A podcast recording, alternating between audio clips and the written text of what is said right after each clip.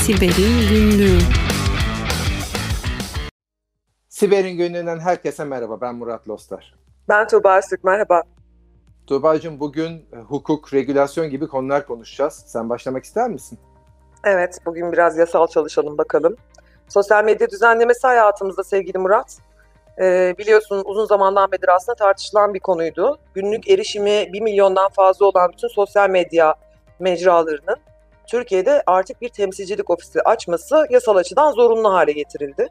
Ee, bunların kimler olduğunu zaten biliyoruz. İşte Facebook ve dolayısıyla Instagram e, ve işte YouTube vesaire falan gibi bütün e, sosyal medya mecralarını kapsıyor bu düzenleme. E, çok ilginç satır başları var. Bir özet çıkarttım ben sevgili izleyenler, dinleyenler için. Şimdi Türkiye'de bir temsilcilik ofisi açılacak. Biliyorsun 56-51 sayılı yasada işte internet üzerinden işlenen suçlarla mücadele hakkında kanun var. Uzun zamandır hayatımızda olan. Ee, orada nasıl ki işte yer sağlayıcı, içerik sağlayıcı, işte sitenin sahibi vesaire bunlarla irtibat kurulması, içeriğin kaldırılması ve hatta sitenin yayınının susturulmasına kadar e, bir takım düzenlemeler varsa benzer düzenlemeler bu sosyal medya düzenlemesinin içerisinde de yer almış vaziyette. E, düzenlemede şöyle bir madde var. Sosyal medya e, mecralarının doğrudan Türkiye'de temsilcilik ofisi açması gerekiyor ve tıpkı 56-51 sayılı yasada olduğu gibi yapılacak müracaatları e, yanıtlayan ilk kontak olması isteniyor. Bu temsilcilik ofisi vasıtasıyla yanıtlanacak yasal başvurulara yapılan yanıtlar. Ee, örneğin işte benim kişilik haklarıma herhangi bir saldırı varsa ya da 56-51 sayılı suç kapsamında yer alan o katalog suçlardan bir tanesi burada işleniyorsa söz konusu içeriğin kaldırılması gibi e, veya işte sitenin belirli süre erişiminin sonlandırılması gibi yaptırımlar doğrudan Türkiye'de uygulanabiliyor olacak. E, ayrıca önemli bir nokta biliyorsun Avrupa Birliği'nde Avrupa Birliği vatandaşının bilgisi Avrupa Birliği'nde kalır diyen çok eski bir düzenleme var. E, aynı şey Türkiye için de geçerli. Şu anda Türkiye vatandaşının verileri Türkiye içinde kalır. Burada bir data center kurma zorunluluğu, Türk vatandaşlarının verilerinin Türkiye içinde kalma zorunluluğu, bu sunucularda barındırılma zorunluluğu getirilmiş vaziyette. Ee, hani şu açıdan bakacak olursak eğer işte Türkiye'deki veri e, ortamı sağlayıcıları, işte e, hosting barındırma şirketleri, data center'lar e, bu anlamda biraz iş yapacak, sanki para kazanacak gibi görünüyor. Ama işte bu sosyal medya mecra sahiplerinin buna nasıl yanıt vereceğini önümüzdeki günler gösterecek bize. Ağır cezai yaptırımlar da uygulanıyor. Ee, örneğin işte X tarihe kadar bunlara uyulmazsa 10 milyon TL, Y tarihe kadar uyulmazsa 30 milyon TL, yine uyulmazsa Türkiye'den yapılacak olan bütün reklam e, içeriklerinin, reklamların para transferinin yasaklanmasına kadar bir e, düzenleme var içerisinde bir ceza yaptırım var.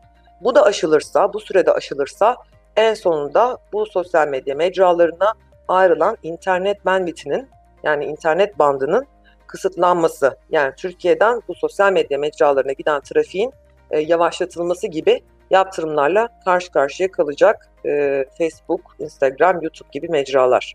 Ne diyorsun bu duruma?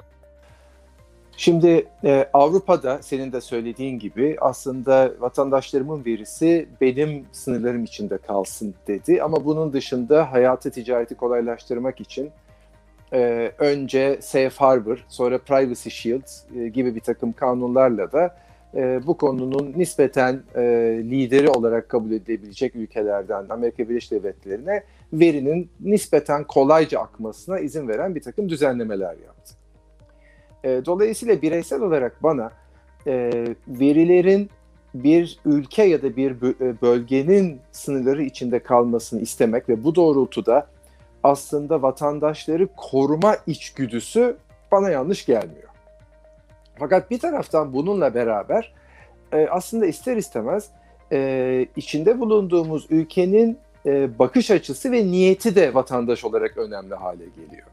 E, bizim ülkemiz bu verilerin Türkiye'de kalmasıyla bizi yurt dışına karşı mevcut ve potansiyel tehditlere korumak e, gibi bir avantaj sağlarken acaba buradaki veriler e, bizim mahremiyetimize aykırı bir şekilde yarın öbür gün kamu yararı vesaire gibi diğer maddeler kullanılarak e, ifşa edilebilir mi?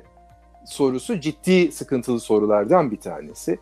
E, bunu da herkes e, kendi bakış açısıyla eminim değerlendirecektir. E, bu konuda ben de bir çok küçük bir yorum yapmak istiyorum müsaadenle. Yani şu kısmı beni kaygılandırıyor açıkçası.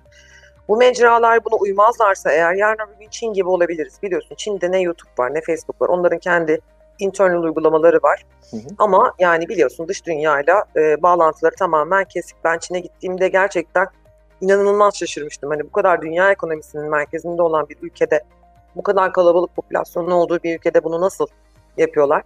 Tabii biliyorsun bu tür yasaklar maalesef ülkemizde çok fazla yaşanıyor. Özellikle son 10 yıldır. E, en fazla internet yasağı, içerik kaldırma, site yasaklama konusunda bir yapılmış araştırma var. E, uluslararası araştırmaların sonuçlarına göre Türkiye dünyada ilk dörtte. Yani dör, dünya dördüncüsü. E, bunu hani Kore ile e, Çin'le vesaireyle falan e, mukayese ettiğimizde hani bizim bu ülkelerin içerisinde olmamamız gerekiyor. E, çok farklı konularda e, birinciliklerimiz, üçüncü, dördüncülüklerimiz olması gerekiyor. Ve bu açıdan açıkçası e, kaygılandırıyor beni. Gerçekten bu e, mecralar eğer bu yasaya uymayı tercih etmezse günün sonunda bu e, özgürlüğümüzü kaybedeceğiz. İkinci bir konuda dediğin çok doğru. Bu da beni kaygılandırıyor.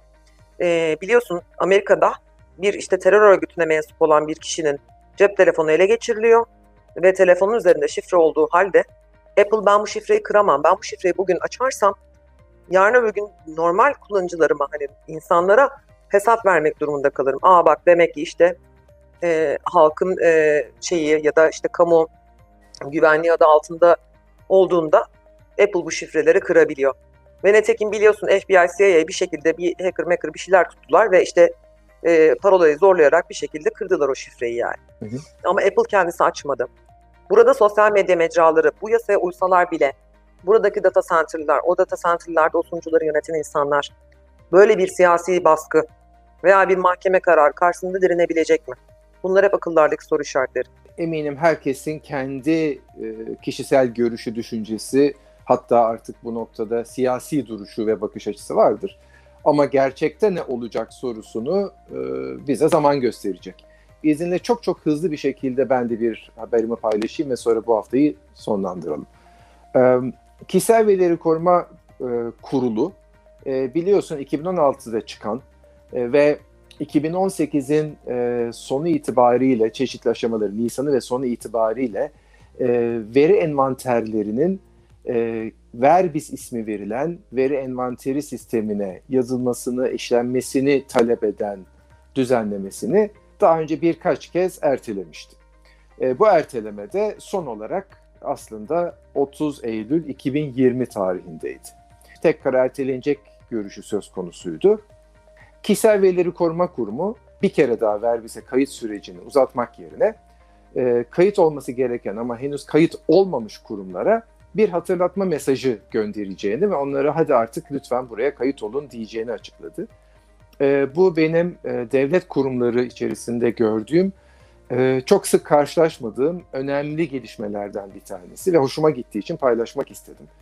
KVKK'nın zaman zaman eleştirdiğimiz, zaman zaman yanlış olduğunu düşündüğümüz kararları oldu. Fakat bu kararda pozitif, bunu da vurgulamak lazım.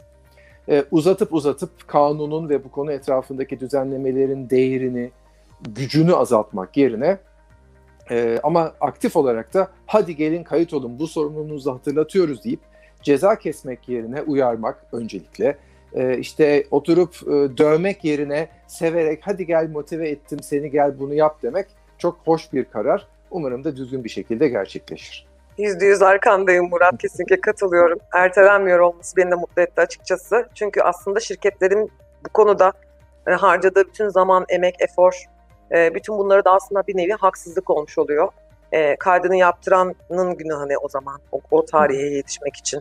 Bütün o yoğunluğun içerisinde, pandemi koşullarında vesaire. E, katılıyorum sana. Peki bu hafta bu kadar diyelim mi? Diyelim herkese keyifli haftalar. Hoşçakalın. Hoşçakalın.